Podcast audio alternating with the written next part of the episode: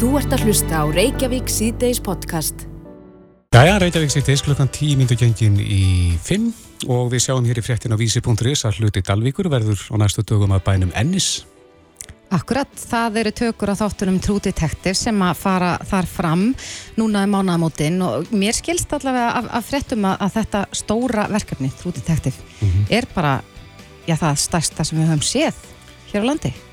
Já, og uh, það er spurning, það verður erfitt að toppa þetta, vantarlega. Eflaust. En við erum komin í samband við bæjarstjóran í Dalvíku byggð, Eirúnu Ingibjörgu Sigþórsdóttur. Komdu sæl. Komið sæl. Já, Eirún, hvernig er stemningin fyrir norðan fyrir þessu stóra verkefni? Hún er mjög góð. Uh, hér er bara fólk mjög áhuga samt um þetta verkefni og náttúrulega það aðtegli sem að það svona dregur á okkur og hérna þetta bara, þetta svona bæði gleður andan á þessum tíma sem að janúar nótt dimmast og tungarlega til mánuður ásins en hér er bara mikið líf og fjör. Er nóga snjó en þá? Já, það er nóg snjó, það er reynda hlýtt í dag þannig að það er svona aðeins uh, vorfílingur í lofti en, en, hérna, en já, já, það er alveg snjór en hann er vist ekki mikill með að þið vennilega ástíð. Akkurat. Það segir hér í fréttinu að vísi að það, ég sé verið að vinna í því að breyta bænum í bæin Ennis í Alaska. Er verið að breyta miklu eða er, er Dalvík bara, uh, já, eitthvað á par við Alaska? Dalvík er, er bara Dalvík en, en það er svona verið að hérna, breyta merkjahús og götur upp og nýtt og, og, hérna, og bæta við jólaskraut og annað og það er nú eitt kostur líka í verkefni að við fáum að njóta jólana aðeins lengur það er verið að bæta við á þeim stöðum þar sem verður tekið upp og, og hérna þannig að það er bara, fylgir þessu bara mjög skemmtilegur andi og bara með þakklátt fyrir það hvað íbúar og fyrirtæki og þjónustadalega hafa tekið vel í þetta og allir eru jákvæði fyrir verkefninu. Það skiptir gríðarlega miklu máli. En er eitthvað leiðbeiningar hvernig bæjabúar skuluð haga sér á meðan að tökurliðið er þarna á staðnum? Ég, ég er nú ekki, ekki alveg inn í því en, en, hérna, en við höfum, svona, erum með þjónustu fulltrúa hér hjá okkur sem að svona tekur við ef það er einhverja fyrirspurnir og, og við komum við það áfram til viðkomandi aðila sem að standa verkefninu og síðan eru þeir bara að sjá þeir um, um sína starfsemi og tala við þá sem þeir þurfa að tala við. Mm -hmm. Eru margir, já, dalvikingar sem er að taka þátt í þessu? Já, það er náttúrulega mjög margir sem koma að þessu, þú veist, bara sem stjónustæðilar og annað, en, en hérna svo er náttúrulega einhverjir skildis mér að það eftir nú, eftir að við setjum einhverjum auka leikurum og annað ég bara þekki það ekki því miður. Allavega var ég ekki eina af þeim sem var sótt um, þannig að ég þekki ekki stöðun á því. Nei, þú voru ekki einhver hlutverkið þarna? sem bæjarstjórin í, eða borgarstjórin í Ennis? Já, það væri svona sem ekkit amanlegt að takast á það verkefni eins og svona mörgandur en, en það er ekki komið upp, nei. En uh, þið getið vantarlega ekkert nýtt ykkur þetta, það er að segja eins og Húsavík með Eurovision. Þið eru bara ennis. Já, það er ekkert bara, ég meina það er aldrei að vita og eins og því sögur frá kynningunum var þetta stort verkefni og með því stærsta sem hefur verið, sannkvæmt því sem að les og, og peyrirum og, og, hérna, og það er náttúrulega bara aldrei að vita nema það verður bara mikið aðsóttarafl fyrir Dalvík. Hva, hvað búa margir á Dalvík? Það eru í Dalvíkubíð eru tæmlega 2000 hans mm -hmm. og, og hérna og þannig að, að það er bara þetta er mikið líktstöng fyrir sveitafélagið. Já, er, er búist við því að, að íbúa fjöldin muni já, bóluna svo litið á meðan að þetta á þessu stendur? Já, já, það gera það. Og liftistöng fyrir bæin? Mjög mikið, mjög mikið þetta er eins og ég sagði hérna upp af því þá er þetta bara skiptir þetta mjög miklu máli fyrir bara viðskipta og þjónustæðila hér á svæðin, fyrirtækja mm. þjónustæðila sem að, sem að hérna er að vinna að þessu. Já, eru menn spenntir yfir því að fá Óskarsvæluna leikonuna, Jóti Foster á svæðið? Já, já, auðvitað er fólk alltaf spennt að hérna, en við erum svona óskup bara og jörðinni yfir þessu, held að hérna, það er enginn svona alveg að fólki finnst bara gaman að fá að taka þátt í þessu æfintyri en það er svo sem enginn engin svo sem að fara alveg á lífingunum ekki en þá allavega. Nei, maður býst við því að, að tökulið og, og jafnvel stórstjarnan sjálfmunni smakka hérna viðfrægu fiskisúpu á gíslaðir eitthvað helga? Já, ég trú, ég trúi nú bara ekki öðru. Það Nei, þetta hljómar vel og verður gaman að eh, fylgjast með þegar að Dalvíkur eh, byggð breytist í Ennis í Alaska. Já, já. Eirún Ingebjörg Sigþórsdóttir, bæjastur í Dalvíkur byggð. Kæra þakki fyrir þetta. Takk fyrir. Þú ert að hlusta á Reykjavík C-Days podcast. Það er á að segja að eh, harkan, hún vex á vinnumarkaði og það var held ég stisti samningafundur í sögu vinnumarkaðarins í morgun. Já, maður allavega uh, býst ekki við öðru en, en uh, fundurinn sem var neyri kvarpúsi, hann var já, rétt um eina, ein mínúta. Já. En það hefur verið ákveðið að uh, láta reyna á verkvall hjá starfsmönnum Íslands hótel og er ekki Foss hótelin líka þannig undir? Jú, en uh, þetta eru tæplega 300 starfsmenn sem að munu greiða atkvæði um vinnustöðunna á Íslands hótelum mm -hmm. og, og það er spurning, hvernig leggst þetta í, í uh, Íslands hótel? Davíð Torfi Ólafsson, Fossstjóri Íslands hótel er á línni, kom til sæl. Komið sæl. Já, hvernig leggjast þessa nýjastu fréttir í ykkur? Já, þetta er náttúrulega leggst að sjálfsögðu illa í okkur. Okkur finnst þetta að vera hérna svona, svo ég noti nú bara íslenskt ár helviti hægt að ráðast á eitt fyrirtæki og þessi nú tvær kennutölu þá er þetta undir sama hatti mm -hmm. og, og, og, og láta setja ok, okkar fólk í þessa stöðu að, að, að, að þurfa að greiða atkvæði um sko verkfall frekar heldur en að bara sem að réttast hefði verið í stöðinu það hefði verið að að láta bara eblingar fólk allt kjósa um samningin sem að er á borðinu. Það -hmm. hefði verið eina rétt í stöðinni. Þannig að þetta er, já, þetta er, þetta er, þetta er svona hart. Já, Daví, nú, nú veit ég hvort ég hef bara ekki fylst nægilega vel með, en hefur það eitthvað tíman komið fram, sko, hvers vegna uh, Íslands hótel urðu fyrir valinu? Nei, ég veit svo sem ekki hverju ég get svarað annað en það og svo sem eins og hefur kannski komið fram að að eh, þau voru að mér skilst frá samtökum aðurlýsins þá var efning búin að fara í nokkur fyrirtæki í bænum. Kannski ekki fengi þær undirtæktir sem það, eh, þau vildu. Og eh, enda hér hjá okkur þar sem að þetta er upp í staðan að þessu fólki sem er í efningu er erlend fólk og, og, hérna, og, og einhverju luta vegna þá teljaðu sig mögulega hafa fundið þarna hóp sem að muni Uh, hérna, ná fram þeirri nýðustu sem þau óska. Já, en Daví, hvað eru, er eflingafólk stór partur af heildar stafsmannafjöldanum ykkar? Það er uh, rétt rúmlega eitt þriði af okkar fólki. Við erum auðvitað með starfsim út um all land, sko, þannig að uh, eflingafólk er bara hér í Reykjavík, þannig að, að, að, að þetta er svona rúmlega eitt þriði. Munið þið geta haldið reksturum áfram ef að til verkfalls kemur hjá þessum uh, starfsmönnum? Það verður bara komið ljós. Við þetta, erum í smá þjálfun. Við, við gengum í gegnum þetta 2019 og náðum að halda öllum hótelum og opnum þá. Eh, það var eindan aðeins vítbækara þá vegna þess að þá voru líka móttökustarfsmenn eða vaffer var líka þá í verkvalli uh mhm. -huh. en, en núna eru þetta bara eflingafólk en þetta er ótíma bundið og, eh, og það eru þetta þannig að ég get ekkit haldið öllum hótelunum opnum í marga daga og uh, við eigendur og stjórn og, og, og framkvæmtastjórn og svolítið að sjá um þriðin og öllum þessum hótelu, það er þetta sér það hvera, það mun ekki ganga til lengdar. Nei, En eru þið að ræða þessi mál eitthvað við eflingafólk innan ykkar raða, þar að segja uh, veit þetta fólk af þessum samningum sem að starfsgrænarsambandið og fleiri fjölu hafa gert?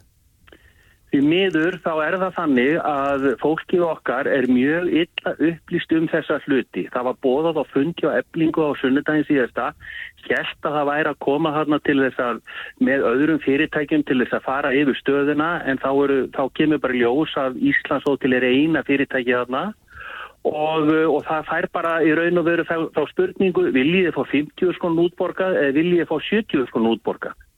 Og við vitum það öll sem að, sem að þú veist, hvað, hvað, e, e, e, þess að svari við þeirri spurningu er.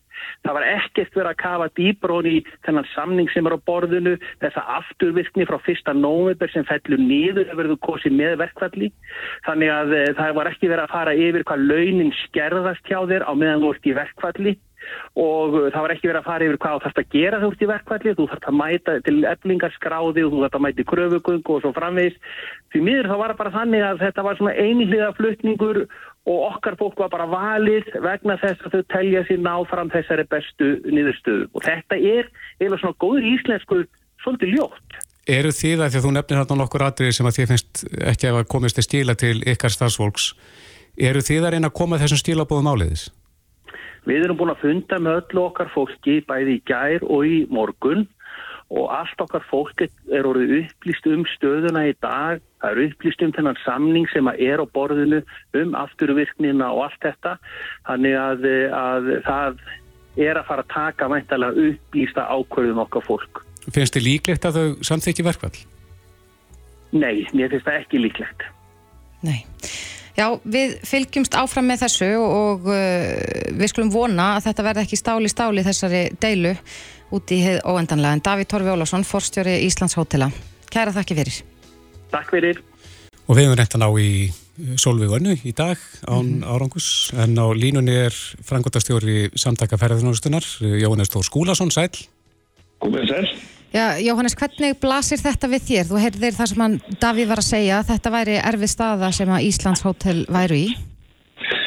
Já, mér fannst Davíð fara nokkuð vel og, og svona bara hófsamlega yfir stöðuna eins og hún blasir við okkur.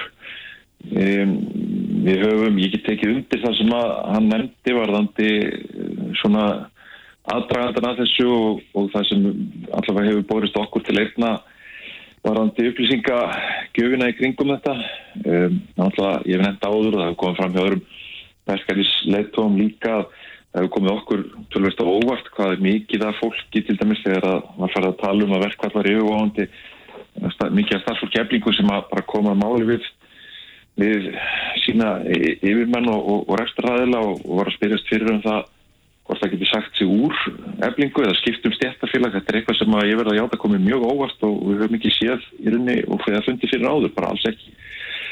Þannig að ég held að svona ég held að stemmingin núna þegar að eiginlega allir aðrir á almenna vinnmarkanum eru búinir að semja umkaup og kjör og ljúka samningum, sesti niður með samtökum aðtunlífsins og, sem samningsaðalum til þess að vinna hreinlega næsta samningi, þetta er bara stöttu samningur og, og við ætlum að nota tíman í vinnu þá er þetta náttúrulega bara óþægileg staða fyrir alla og, og hérna e, þá er ég óskandi að, að eins og Davíð sagði að fólk uh, geti fengið að kjósa bara um þennan, þennan samning sem hefur legið á borðinu þá með þeirri aðlögun sem að hægt er að gera fyrir starffólk hjá eflingu ef það þarf að laga þar aðeins til. Ég meina það eru það hluti varandi eins og starfsaldur og annar sem að hefur verið bent á og það er þó bara aðeinlegt að það sé sest eitthvað yfir það.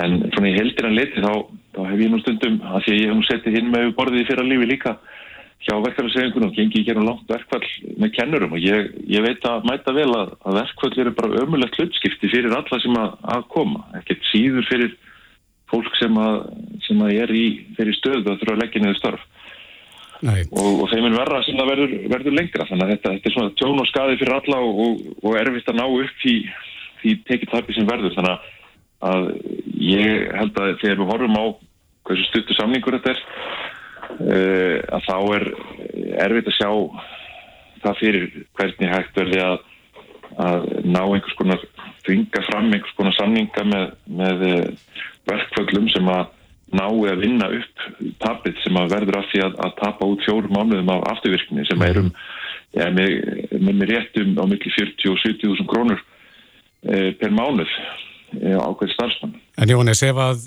eflingar fólk samþykir þetta einan raða starfsfólks Íslandshótela, þá verður þetta vantilega bara generalpröfan á verkvöld núna í, á komandi vikum og mánuðum Uh, óttist því það að þetta jafnvel breyðist út?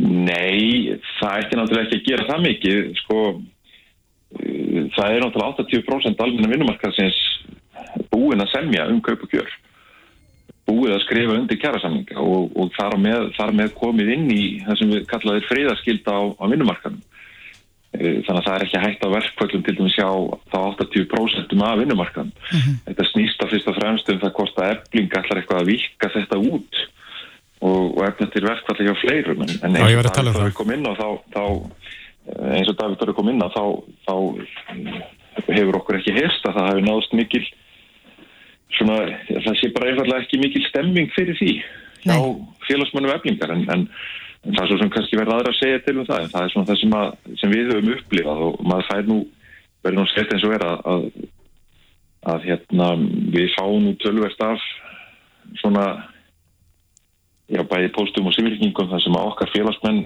rækstaraðilarnir eru að leita eftir bara leiðbenningum sérstaklega þarna upp á þar sem þeir að ringja okkur og spyrja það kemur til mig starfsmæður sem er að spyrja hvort það hægt er að skipta um verkefnisfélag Eh, hvort það þurfa að fæði verkvall og annað slíkt eh, hvað ég að gera? Og þá reynum við að leipennum það og það er auðvitað ekki hægt að segja sig úr verkefnisfélögum eða, eða félögumaturveikata meðan að vinnudelur er í gangi þannig að það er svo sem fyrir auð svarað en, en það sem að maður finnur á því og, og síðustu vikur er það, þetta, það, það, er svona stemmingin fyrir verkvalli er ekki mjög mikil Nei. en það er ekki skrítið þegar að fólk sér að 80% af almenna vinnumskan mér er bara umur ánægð að hafa samþýtt yfir nægandi hvað um 80% Já. það er ekki 70-80% samþýtt á þeim samlingum sem hefur skrifið undir Já, en Jóhannes, eh, í gær voru samtök aðtunlífsins að já, svona fara yfir það hvað eflingafélagar tapa á því að missa þennan möguleika á afturvirkni eh, kjærasamlingana mm -hmm. og hann kom nú aðeins inn á þetta áðan hann, hann David Torfi að eh, í samkvæmt vefsíðu eblingar eru 53% eblingar félaga uh, af Erlendubergibrótin. Mm -hmm. Hvernig gengur að koma skilabóðum áleiðis á, á öðrum tungumálum, til dæmis til þess að útskýra réttarstöðu fólks ef að til verkfalls kemur, uh, útskýra það að, að þessi afturvirkni, hún dettur niður ef að til verkfalls kemur? Það er náttúrulega, gengur þetta svo sem vantanlega aðeins upp og, og vann Um, Davíð Torfi og við vitum til þess eins og Davíð Torfi nefndi þá er þeir búin að funda með sínu fólki sem að ætla þeirra að kjósa um verkvöldin og sem, að, sem er að taka þátt í þeim og það skiptir þá mjög miklu máli að fólk sé, sé hérna upplýst uh, eitt af því sem samtök aðtunlífsins og við hefum gert er að, að þýða uh, hérna við erum ekki bara með upplýsingar á íslensku heldur líka á eilendum tungumólum eins og til dæmis pólsku það sem er mikið af pólskum eilandi starfsfólki. Uh -huh. það bara skiptir máli að fólk getur nálgast upplýsingar á sínu eigin tungumáli. Svo segjum við stundum að Google Translate er, er vinnur okkar sko. Þótt að það sé ekki fullkomið tæki að þá gefur það nú yfirleitt svona í, í fólk er að lesa á, á netinu langa texta þá getur það svona allavega gefið inn í haldið en, en svo er það náttúrulega á ábyrð þeirra sem bóða til verkfall að, að e, gefa þeim sem eiga kjósa um það fullkomnar upplýsingar um það sem verður að kjósa um hvað er í bóði e, til dæmis varðandi þessar afturvirku hækkanir sem að sami hefur verið um við aðra að e, það er til dæla svona einföld lína sem hefur myndast í í samlinga að gera á Íslandi að fari, fari verkefni skilu við verkfall og þá er ekki verið að bjóða på afturvirkni í kjálfarið á því. En en ég gerir ráð fyrir það að ég hægt að horfa á það ef fólk vil setjast niður og, og ræða hlutin og reyna að komast á samveiluður niðurstöðu þá, þá er það listins mögulega sko. það, það er þá alltaf hægt að finna einhverja leiðir. Og ég held að, að það sé nú líka að fluta til kannski það sem að, það sem að þetta snýst alltaf um sko, og, og svona eins og staðan er núna í, í efnafslegu tilliti þá eru stuttir samningar skinsamlega niðurstaða. Það er mjög skinsamlega niðurstaða að, að klára þá með þessum hætti sem gert hefur verið átt í postmarkaðarins og það er svona, já, maður er bara mjög leiður yfir því að þetta skulle vera komið þennan nú því að eitt af því sem að ég heyri stundum og, og, og svona maður sér í kommentabrjálaðinu og internetinu og fleiri stöðum að, að sko Íslensk ferðarþjónasta verði bara að borga mannsamandi laun og svo er það ekkit útskipt freka hvað eru mannsamandi laun en ef við horfum bara til þess að tvær eða þrjár tölur í því samhengi þá borga e, þá greiða Íslensk hótel og veitingahús e, hæstu laun í Evrópu per vinnustund mhm. hæstu laun og vinnustund í Evrópu mm -hmm. ef við tökum kaupmátt inn í það, af því þá segir fólk byrju já en það er svo miklu dýrar að lifa hér allt í lagi, tökum þá kaupmátt inn í það þá greiða Íslensk hótel og veitingahús fyrstu hæstu laun í Evrópu. Við erum búin að, taka saman kaupmátt og bara þessi PPP samanbörðu sem kallaði fyrsta hæstu laun í Árópu mm -hmm. og þegar við horfum á samnýðstímabilið núna síðasta, lífskjara samningana og horfum á hvar í hvaða atvinnugreinum laun að vísa til að hefur hækkað mest þá hefur hún hækkað mest hjá hótelum og veitingahúsum. Akkurat það sem verður að bera niður með verkvöld uh, hún hefur 10% þar en er fyrir neðan 30% hjá öllum öðrum geirum. Þannig að þetta kemur okkur svolítið spánstur í sjónir hvar verður það að bera niður og, og, og verður sér að halda því fram að, að e, þessi fyrirtæki séu einhvern nátt ekki að, að standa sig í korki í eh, erlendum í einlendum samanbyrði. Nei, við verðum að setja punktin hér. Jóhannes Stór Skúlason, framkvæmdastjóri samtaka ferðarþjónustuna, kæra þakki fyrir þetta. Takk. Bless, bless. Þetta er Reykjavík C-Days podcast. Jæja, við ætlum að aðeins að kíkina á þing núna, ansið langt síðan, eða kannski ekki langt síðan síðast, en, en þingið kom saman núna bara í vikunni, mm -hmm. loksins. Einmitt. En við rákum í það að fjóru þingmenn, tveir úr sjálfstæðsflokki og tveir úr samfélkingu hafa lagt fram frumvarp sem felur í sér að börn verð ekki lengur uh, sjálfkrafa skráð í trú eða lífskoðunar félag foreldra sinna. Hvað þýðir það? Já, það er nefnilega stóra spurningin og það er þess vegna sem hún er sest hjá okkur, hún hildur Sveristóttir, þingmaður sjálfstæðarflokksins, kom til sæl. Sæl. Já, hvað þýðir þetta? Er, er staðan þannig núna að þegar barn fæðist að þá er það sjálfkrafa skráð í það trú eða lífskoðuna félag sem að fóreldrarnir eru skráði? Já, þetta er nefnilega sko í rauninni má segja að ég er að leggja hérna fram frumvarp og, og fekk með mér þrjáðara sem að hérna mér þykir vandum að kannski lætur lítið yfir sér en þetta eru samt prinsipatriði og það prinsipatriði til dæmis að eins og núverandi lög eru að þá er það í rauninni ríkið sem ósarátt skráir þennan litla einstakling sem fæðist mm. í það trúfélag uh, sem að fóröldarnir eru í. Ef þeir eru í sama trúfélagi, þetta er svara spurningunni ef fóröldarnir eru ekki saman þá fylgir það fór fóröldrunu En ef fóreldrar eru í sikkvoru trúfélaginu eða annar að stendur utan trúfélaga þá þurfa þau að gjöra svo vel og koma sér saman um hérna í hvað trúfélag ef eitthvað á skrábarnið. Mm -hmm. Þannig ég er í rauninni kannski má segja að taka þann ángamálsins og gera hann að meginreglu alltaf. Að fóreldrarnir ákveði þá já. eftir eitthvað tíma í hvaða... Já það má gerast bara strax sko en að mm -hmm. það sé þetta það prinsip og það sé þú fóreldrarnir sem samkvæmt lögræðslegum hafa já, þannig að rétt fyrir hönd bassin síns mm -hmm. að taka svona aktíft gera eitthvað aktíft í því að skrá viðkomandi batn í trúfélag en ekki einhvern veginn að ríkið gera það automatist mm -hmm. það er bara svona okkur prinsip, prinsipatri finnst mér. En hvernig sér þú að þetta myndi þróast? Myndi skráningum í trúfélag, myndi þeim fælka? Já, það er spurning eh, það eru kannski einhverjir sem segja í dag einmitt að gerist þetta svona svolítið automatíst, kannski mm -hmm. bussi frá svona skýrum vilja og ef maður hugsa um svona prinsipið að þá er vera í, í svona trú og lífskoðana félögum en náttúrulega ná tengd bara skoðanafrelsi og tjáningafrelsi og sem á að vera okkur óbúslega heilagt og að vera hafið yfir allan vafa. Uh, ég get auðvitað ekki sagt til það hvort þau muni fækka en það er kannski verðt að nefna að það eru önnur aðri í frumvarpinu sem ég teka og til dæmis að, að ég færi aldur badna sem eiga að hafa sjálfskoðun að því mm. í hvaða trúfélagið eru. Ég færi það úr 16 árum yfir niður í 12 ára aldur. Hvers vegna? Ég í rauninni horfi til að í núgildandi lögum hefur þegar verið tekin ákvörnum að badd getur haft skoðun á trúfélagi sínu uh, að við 12 ára aldur. Það sem að foreldra meiga ekki skipta um trúfélag bars nefn að fá skoðun þess á því ef það er orðið 12 ára. Þannig að lögjafin hefur þegar ákveð að 12 ára badd getur tekið þess ákvörun. Þannig ég er rauninni að taka skrifinu ennþá lengra að gefa 12 ára barni þennan rétt að það geti sjálf tekið þess ákvörn í hvað trúflega vil veri mm -hmm. og svo eru þetta mjög stutt í fermingarna eins og við þekkjum þannig að það er nú kannski ekki algjörlega út úr kú. Þannig að hérna börn hafa þá þennan rétt alveg eh, fram að tími 16 ára aldrei að skrá sig í trúflega og ég þykist vita að einhverjir verða hugsi varandi sko fjármögnun þessara trúfélaga.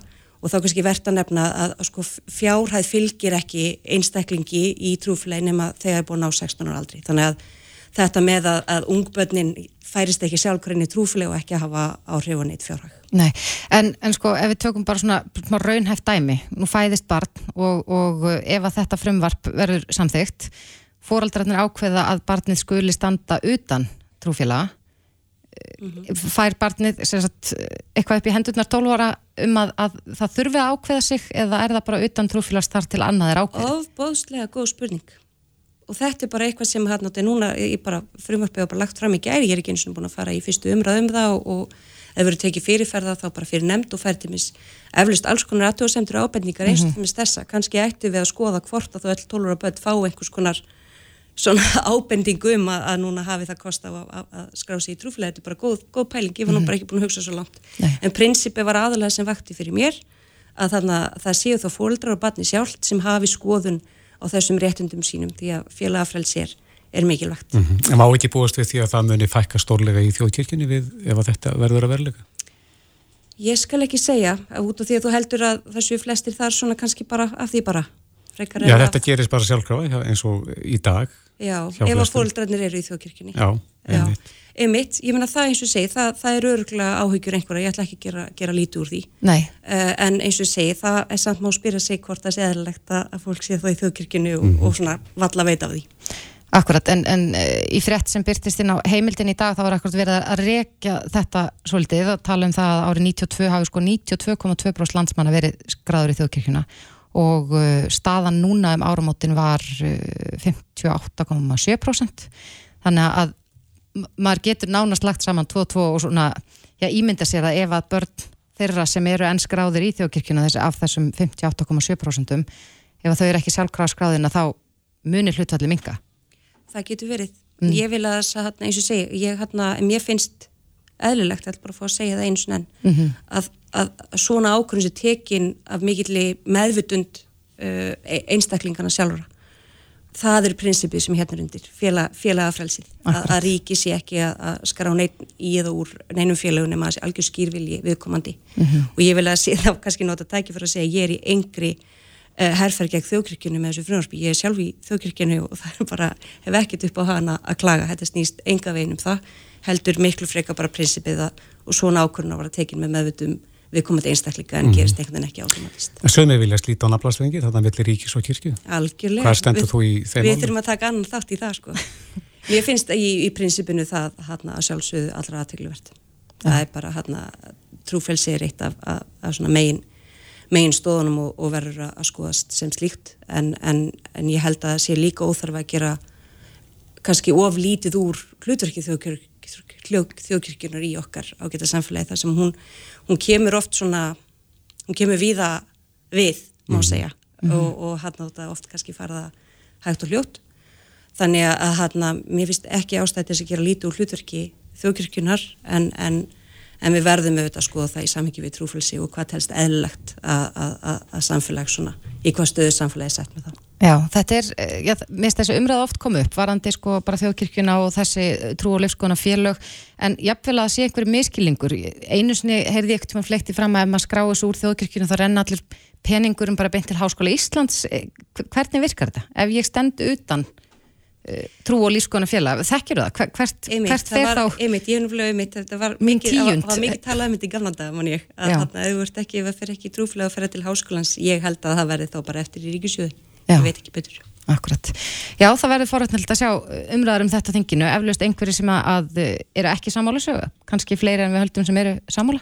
Er bara öruglega og ég held kannski eins og ég heyri líka í þessu samtali að það sé þá kannski þessi ótti um að þarna sé einhvers konar aðferða til dæmis á þjóðkirkjunni fyrst og fremst eh, frekar en kannski þessi prinsipatrið það er ekki hugsunum með frumvarpinu en auðvitað átt að ég má því að, að það er kannski verður einhvers konar aflegging þess að, að það fækki í þjóðkirkjunni. En, en ég, mér finnst bara eitthvað svo óðarlegt við að, að, að finnast það eðlilegt að fólk sé í trúfélagi sem að það vill ekki alveg af heilum hug vera í þannig að ég, hana, ég ætla þá bara heilsugar að fá að taka þá umræðu og, standa með því prinsipi að, mér þetta þá óðarlegt. Já, svona rétt kannski í lokin, hverju getur staðið gegn þessu frumvarpi? Ég, það mun bara komið ljós.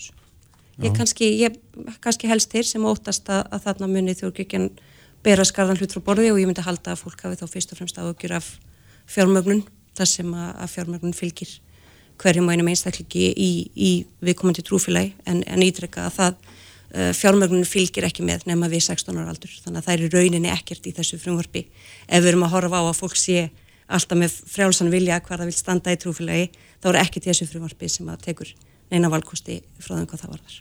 Já. Hildur Sverastóttir, þingmaður sjálfstæðisflokksins. Kæra þakki fyrir komuna. Takk fyrir. Þetta er Reykjavík C-Days podcast. Jæja, Reykjavík síðdeis, við ætlum að halda þess áfram með umræðu frá því í gær.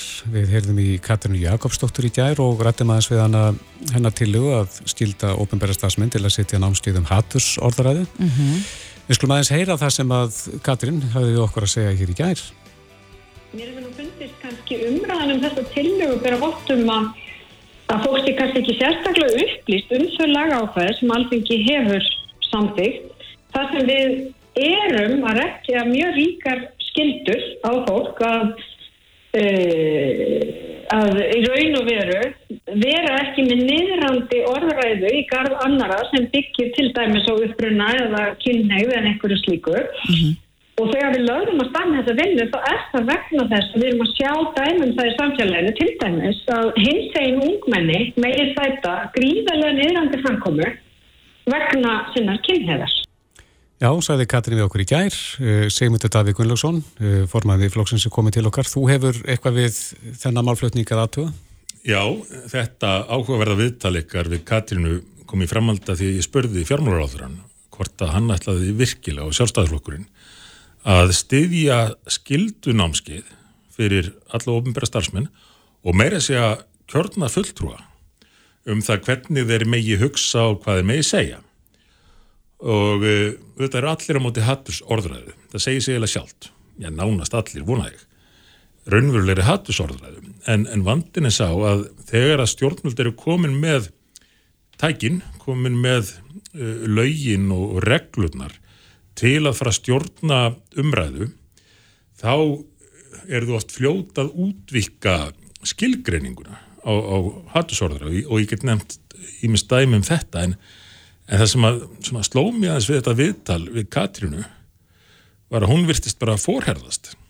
Þarna var formaður stærsta stjórnarflokksins og stærsta stjórnarflokksins fyrir vikið búinn í umræðaþingjun að gælda varhug við máli sem hann greinlega samt hafði ekki fengið að fylgjast með eða, eða verið með á nótunum um með hvernig hann lísti þessu.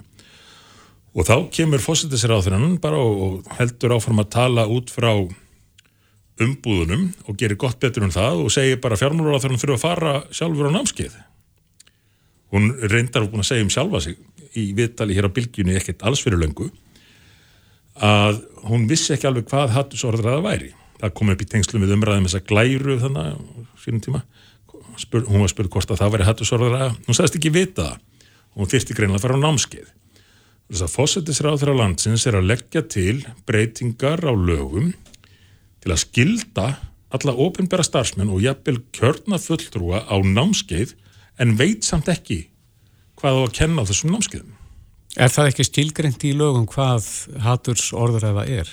Já, það, það er einmitt fyrirliggjandi auðvitað í lögum að það megi ekki viðhafa haturs orðræðu af ákvönu tægi. Það er þegar í lögum og með þessi stjórnaskrá. Það má ekki eða minnst okkur má ekki mismuna á, á grundvelli uh, ákveðna þátt eins eins og Katrín nefndi við talinu og uh, ég veldi fyrir mér er ástæð til þess að evast um það að, að ríki starfsmenn eða kjörniföldrúar almennt gerir sér ekki grein fyrir því að árið 2023 uh, eigi ekki að tala á niðrandi hátt um fólk út af kynneið eða, eða einhverju slíku.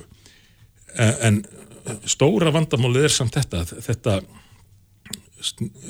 hefur tilhengu til að þróast. Þegar að tækinu eru komin þá færa stjórnvöldsu upp á skaftið. Ég skal nefna tvö dæmi um þetta.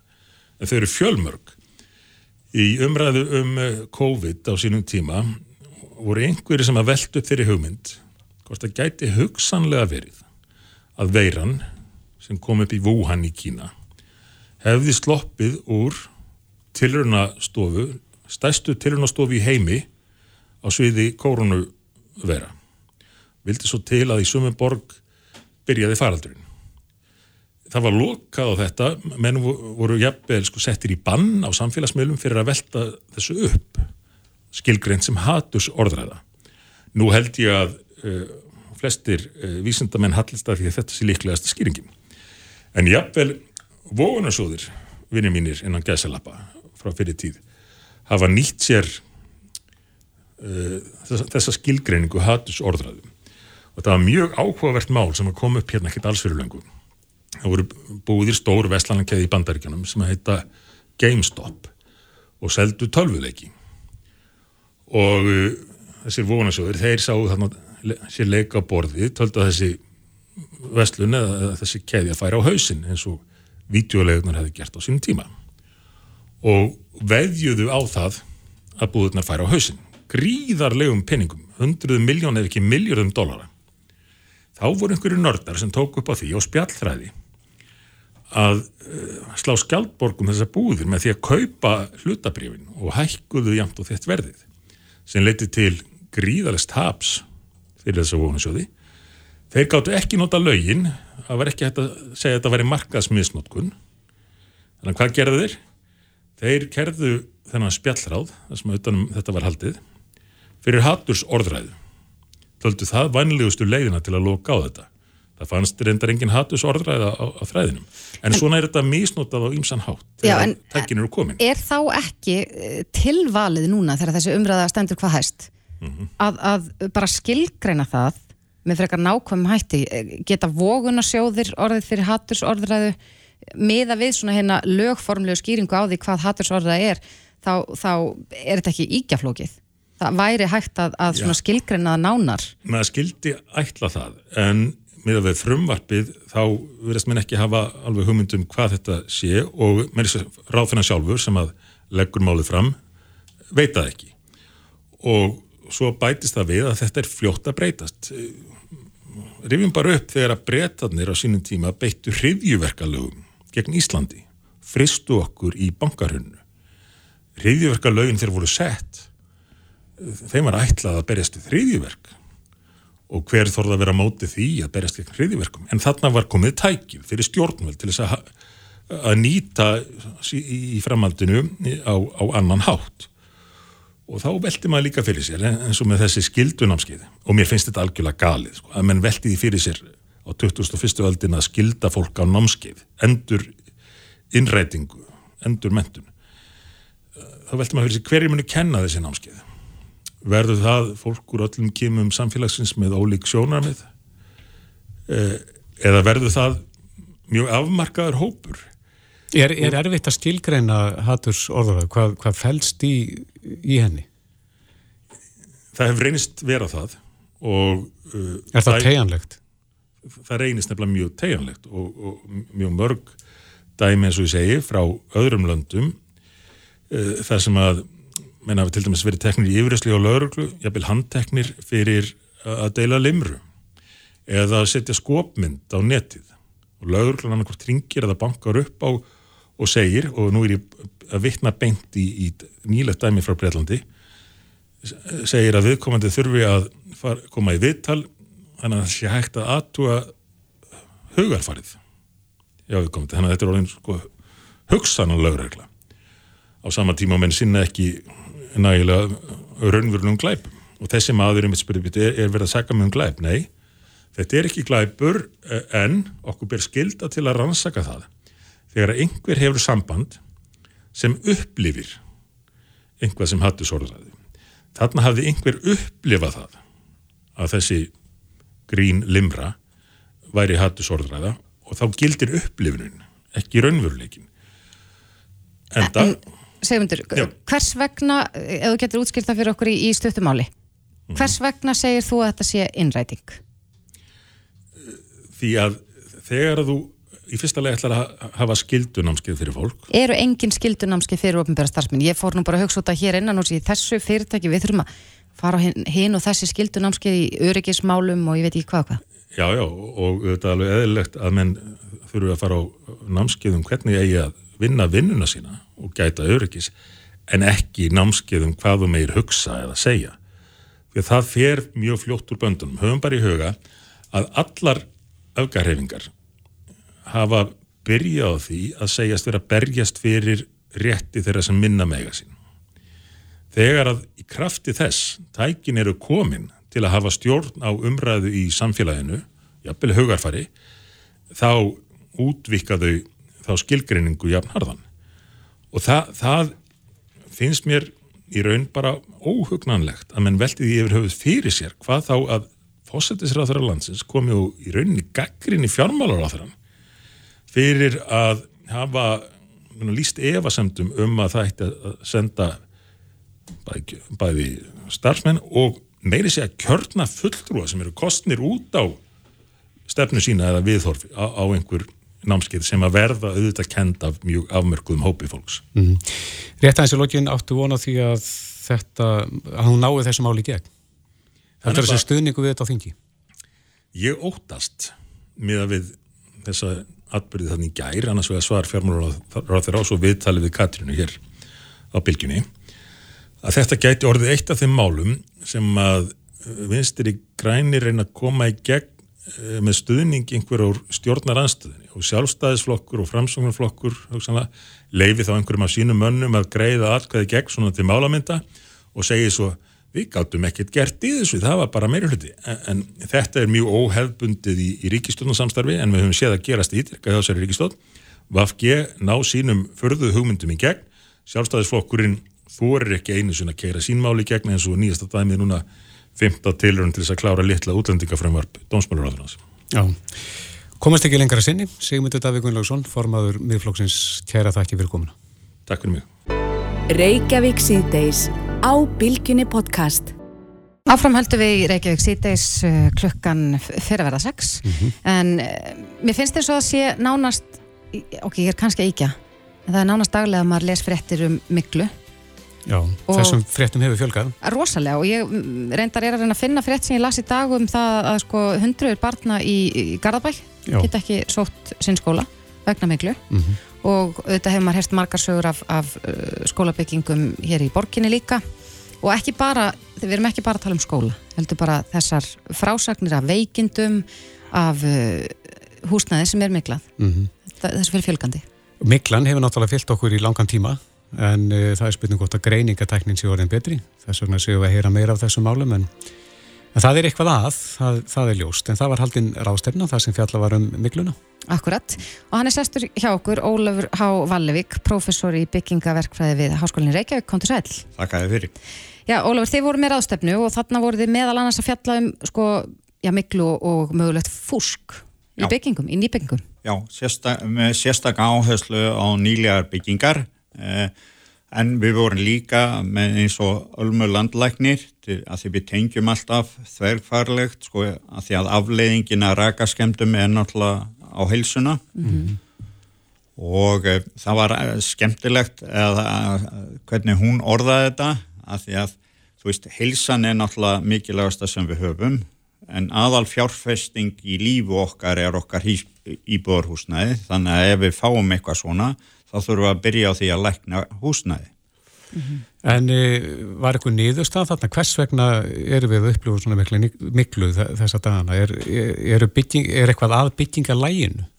Já, eða sko e, við höfum alltaf haft örlítið að miklu. Stóra spurningin er ákveður er þetta svona mikið meira þjóðhagslegt vandamál í augnablíkin eða sko í, á þessum tíma miða við 30 ár mm -hmm. og við spurðum meiri sér ölmu hvort að það væri meiri veikindi í dag en fyrir 30 árum mm -hmm. en það, það er ekki til samanburður þannig að við getum ekki sagt það en við höfum svo markvall fleiri efni við flytjum rosa mikið inn að nýjum lausnum við höfum meiri séð í okkar rannsóknu þá höfum við séð miklu í miklu skólanum þar sem við getum ekki greint hvaða mikla það er það er alveg eitthvað alveg nýtt þannig að núna er sko svo, svo mikill innflutningur af nýjum lausnum.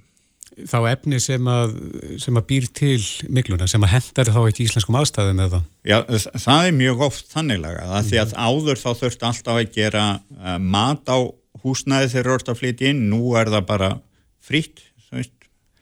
Uh, þá var sko rannsóknustof byggingarinnarinn sem þurft að gera umsögn um nýjar lausnir, nú bara eh, kemur allt mögulegt inn og það var tekið dæmi um að því við spurðum þá að því við vorum með norskan trón frá Sindef í Noregi e, og spurðum hann hvort að þau höfðu fengið það sem er kallast magnísíumplötur til Noregs mm -hmm.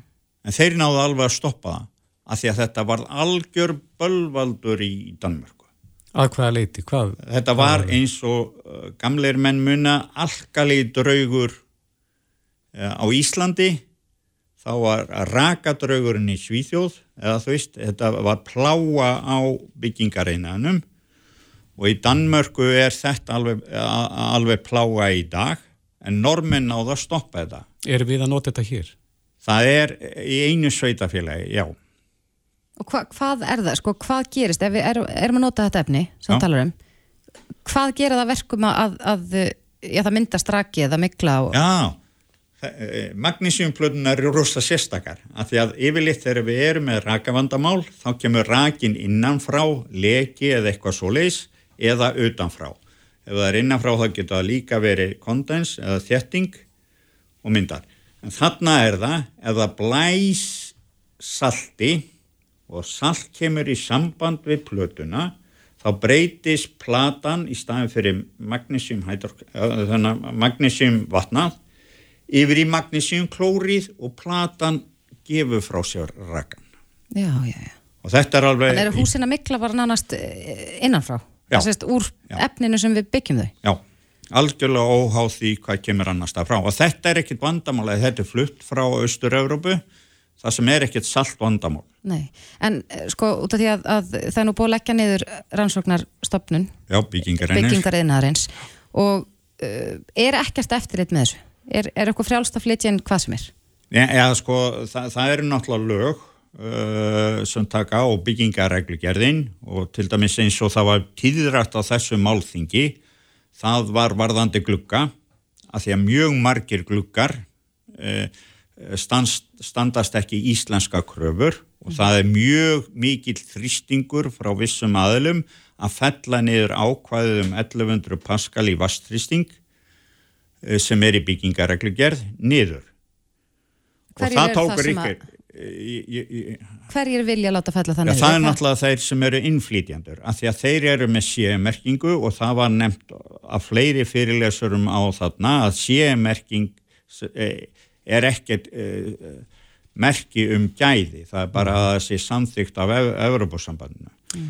En fyrir ekki, Ólafur, þeir sem eru núna að standa í húsbyggingu, geta þeir leitað í eitthvað gagnabanka um það hvað er best að nota og, og hvað á að forðast svona með tilliti til skemta? Nei, eh, sko, það eru til er, gömlu erbjöblöðin eh, og þau eru komin til húsnaðis og mannvirkjastofnun og þau eru þar ókipis þannig að fólk getur leitað ímislegt til þeirra en það hef síðan að, að, að það fór í ferli að leggja niður erbja þá hefa ekki verið gerð neinn ný blöð. Það eru svona deili lausnir og allt svoleið sem segir hvernig átt að gera votrum, hvernig átt að setja í glugga, hvernig átt að og svo framins. Mm -hmm. En þú reynir að draga saman bara í stuttumáli, hvað á fólk að forðast? Já, sko, fólk á að reyna að fá ábyrgan aðila þú veist, eh, eh, til, eða sko, van, það kom líka fram á þessar rástefnu uh, og það var einar sem sagði frá því, sko, að það, e, það, það, það er svo lítil gæði, það er svo mikið kennutöluflakki í innæðinum og það er, í gamla daga þá var hægt að fá hús frá einhverjum húsameistara sem virkilega stóða bak við gæði Í dag er markaður eins og sprungin að þú kaupir hvað sem er og það eru ábyrgir aðlegar í byggingabransanum sem hafa kennutölu og starfa í mörg ár en það er líka rosa margir sem gera sko bara kennutölu fyrir hverja byggingu sem þú ert með.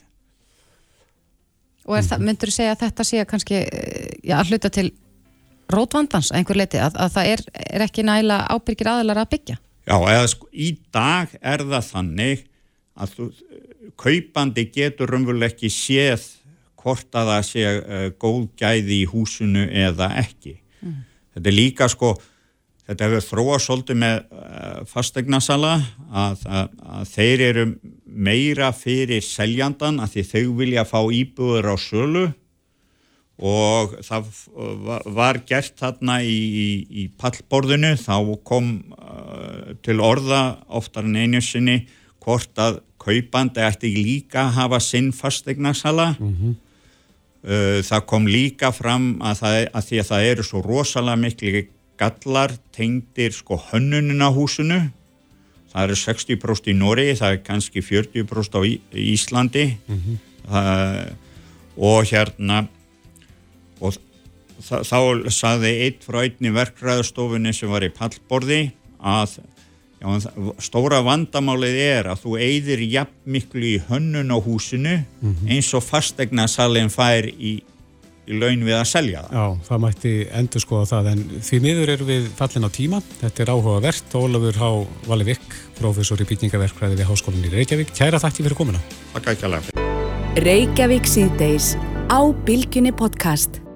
Fyrir tæpu árið síðan fylgdist þjóðin aktúa með leitað lítilli flugvel sem að stjændilega hvarf sjónumanna Já, og þetta var erfitt mál að fylgjast með og uh, já, ég held að, að þjóðin hafi svona öll verið uh, já, bara fundið til. Þetta var erfitt mál og, og svo fannst velin á botni Þingvallavass ekki tókst að ná henni upp vegna veðurs í, lengri tíma. En í dag uh, var byrtur hlaðvarpstáttur eftir mál sem að við höfum nú fjallaðum áður. En þarna er verið að lýsa sko, frá fyrstu hendi þessari atburðarás en það er hann Jón Ragnar sem að- flestir þekkja sem eh, Jón frá Æsland þetta er, hann er áhrifavaldur og, og ljósmyndari. En uh, þarna er verið að krifja þetta málsvöldi Já. Nadín Guðrún Jaki er komin til okkar. Hann har að stjórnendum þessa hlaðvarps, velkomin. Takk. Hvað kafið þið djúft í, í eftirmál þessa máls? Um, við höfum nú bara eins djúft allavega við gátum, við hérna eins og Þorti sagði, tölum við Jón Ragnar Jónsson, eh, Jón frá Ísland, áhrifavald, sem að, sem sagt, var með uh, sagt, þessum strákum eða, eða ungum önnum sem að letu lífið, var með þeim síðustu dagana fyrir slesið og hann svona svo rifjar upp fyrir okkur uh, þessa síðustu daga þeirra hann þekkti líka flugmannin vel, búin að vera mikið í, þetta var sérst flugmannin heitir Haraldur Diego og var búin að vera mikið í svona að fljúa með áhrifavalda og, og hérna kallaði þessi Volcano Pilot. Þannig að Jón þekkti bæði flugmannin og þessa áhrifavalda sem að sem að höfðu verið um borði í vélinni. Og hann er í rauninni að segja frá þessu bara mjög svona einlægan og áhrifaríkan hátt hvernig þessi síðustu dagar voru og svo líka þegar Jón kemst að því í rauninni að þeir sé ekki búin að skila sér tilbaka á tilsettum tíma. Þeir áttu tíma í COVID-test að þeir voru að fara aftur heim til sín og en þeir skila sér ekki í það og Jón bara áttar sér strax á því að það er eitthvað sem er ekki í lagi. Já, en þetta er þetta mál sem var mikið fjallaðum hérna og, og, og ekki síst sko eftir málinn þegar að flugvillin fannst og erfitt Akkúrat. reyndist að, að, ná henni um, en þú segir að hann þekkti þessa menn persónlega Já, hann þekkti þá, bara þekkti þá í gegnum svona þennan bransa. Það voru áhrifavaldar, YouTube stjörnur og, og Jón er þekktur fyrir að vinna mikið með uh, fólki, svoleiðis fólki og er sjálfur áhrifavaldur, þannig að hann þekkti til þeirra og var í sambandi og er að lýsa í rauninni hvernig hann er í sambandi við fjölskylduna þeirra þegar engin veit fyrst hver þeir eru. Svo finnst flugvélin en ekki líkin og ekkert bólur á þeim og það er, það er rosalega áhrifaríkt að hlusta einhvern veginn á, því, á það hvernig, hlusta á Jón lýsa þessu. Uh, þeir, já, og svo eftir að þeir finnast, þá er ekki hægt að sækja þá strax. Mm að því að það er bara of kallt í þingölluvatni, kafaratni treysta sér ekki, þetta er bara rosalegt mál og hérna djúft vatn líka. Djúft vatn og já, leitir enda fyrstu dagana bara um, einu umfangsmesta leit bara síðara tíma hérna á Íslandi. Þannig að það er, það var hérna, það var svona átakalegt og mjög áhrifaríkt að, að rifja þetta upp. En þetta er, já, í eftirmálum þá hafið þið oft verið að svona kafa nokkuð djúpt í svona svolítið eldri mál. Þetta er náttúrulega, já ekki, ekki. Frekar nýskeið, Já, má já, segja. það er nefnilega ekki nema tæft ár síðan. Nei. Og já, það er svo sem allir gangur á því sko. við tökum eiginlega bara mál sem okkur langar að vita meira um, persónulega því að við hefum alltaf bara persónulega mikið áhuga á að vita meira um e, fréttamál og það kemur oft ímislegt í ljós setna sem var kannski ekkert að segja á, á sínum tíma mm Jón er að segja okkur frá hlutum sem að hérna, sem að ekki komið fram áður eins og til dæmis að um, eitt þeirra hafði reyndar hingi í neyðalínuna eftir að flugvölinn brotlendir. Þetta hefur aldrei komið fram. Svona, hann er að varpa svona daldi öðru ljósi á þetta mál. Og það sem honum fannst rosa mikilvægt að ástæðin fyrir, ástæðin fyrir að hann stígur hérna fram og, og gefur kost á veitur okkur þetta viðtal er og honum fannst umræðan að vera dálítið svona æ, þetta voru bara einhverjir ferðamenn eh, einhverjir áhrifavaldar vittlisningar sem hafa verið einhverjum svona glæfra með, með einhverjum lætið þarna. En þetta var alls ekki þannig, þetta voru allt mjög svona varkárir og skinnsami strákar og hérna hann svona lýsir personinu þeirra og eins og ég segi bara aftur mjög áhrifaríkt. En þegar að svona flugslis verða þá ferast það mjög ítaleg rannsók Akkurat.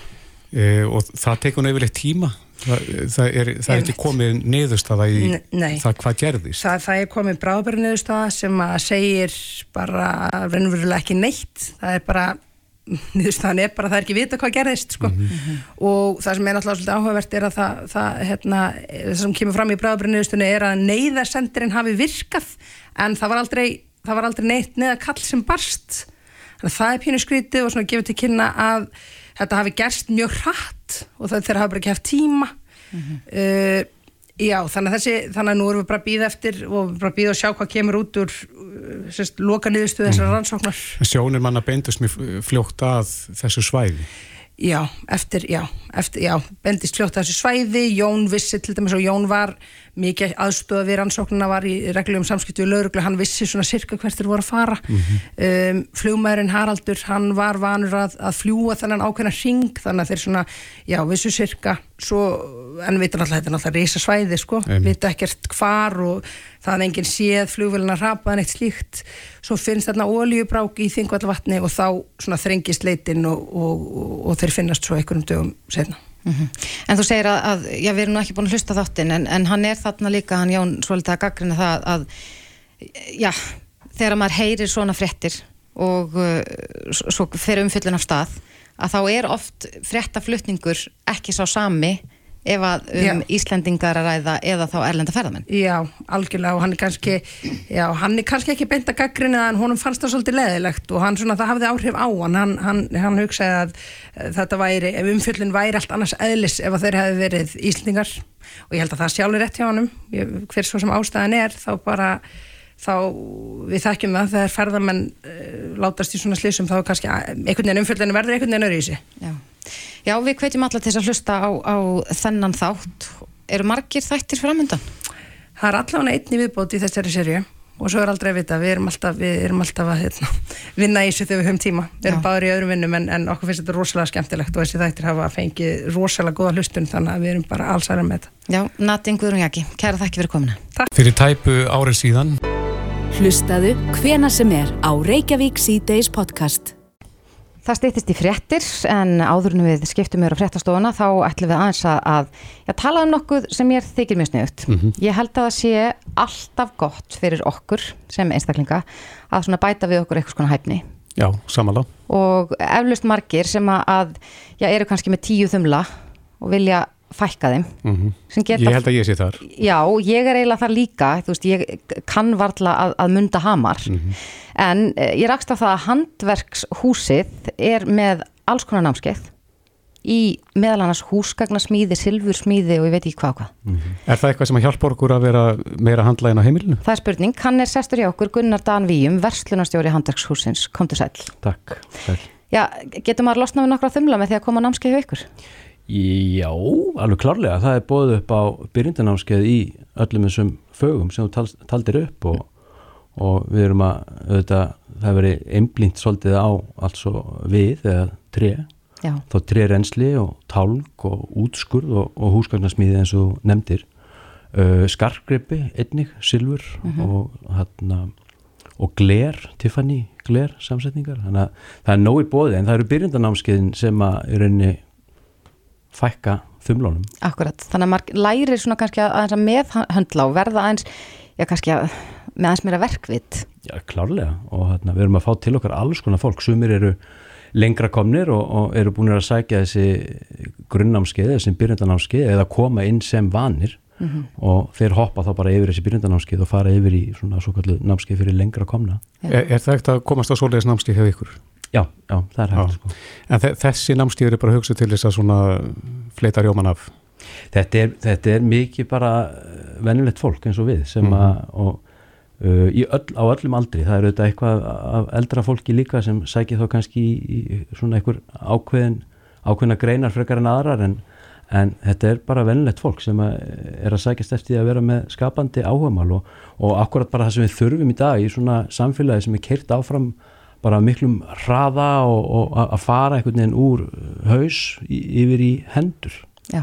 og þetta er bara það sem við viljum og erum að sækjast eftir Akkurat, þannig að, að maður getur eflust fundið eitthvað námskeið þarna, já, til dæmi sem maður hefur áhuga á Mhm. silfursmíði en kann ekki neitt þá getur maður að fengi grunn eh, þarna yes, við erum að fá til okkar fólk sko, í Silvusmið til dæmis sem að, og ég bara sjálfur ég fór á námskeiðum daginn tók hérna einhver eitt tök kvöld og hefði aldrei snert á skarkripum áður og, og eftir eitt kvöld sem satt eitthvað þrjá klukkutíma þá kom ég heim með bara fulli póleraðan silfring mm -hmm. og hérna það getur hvaða byrjandi sem er komið mm -hmm.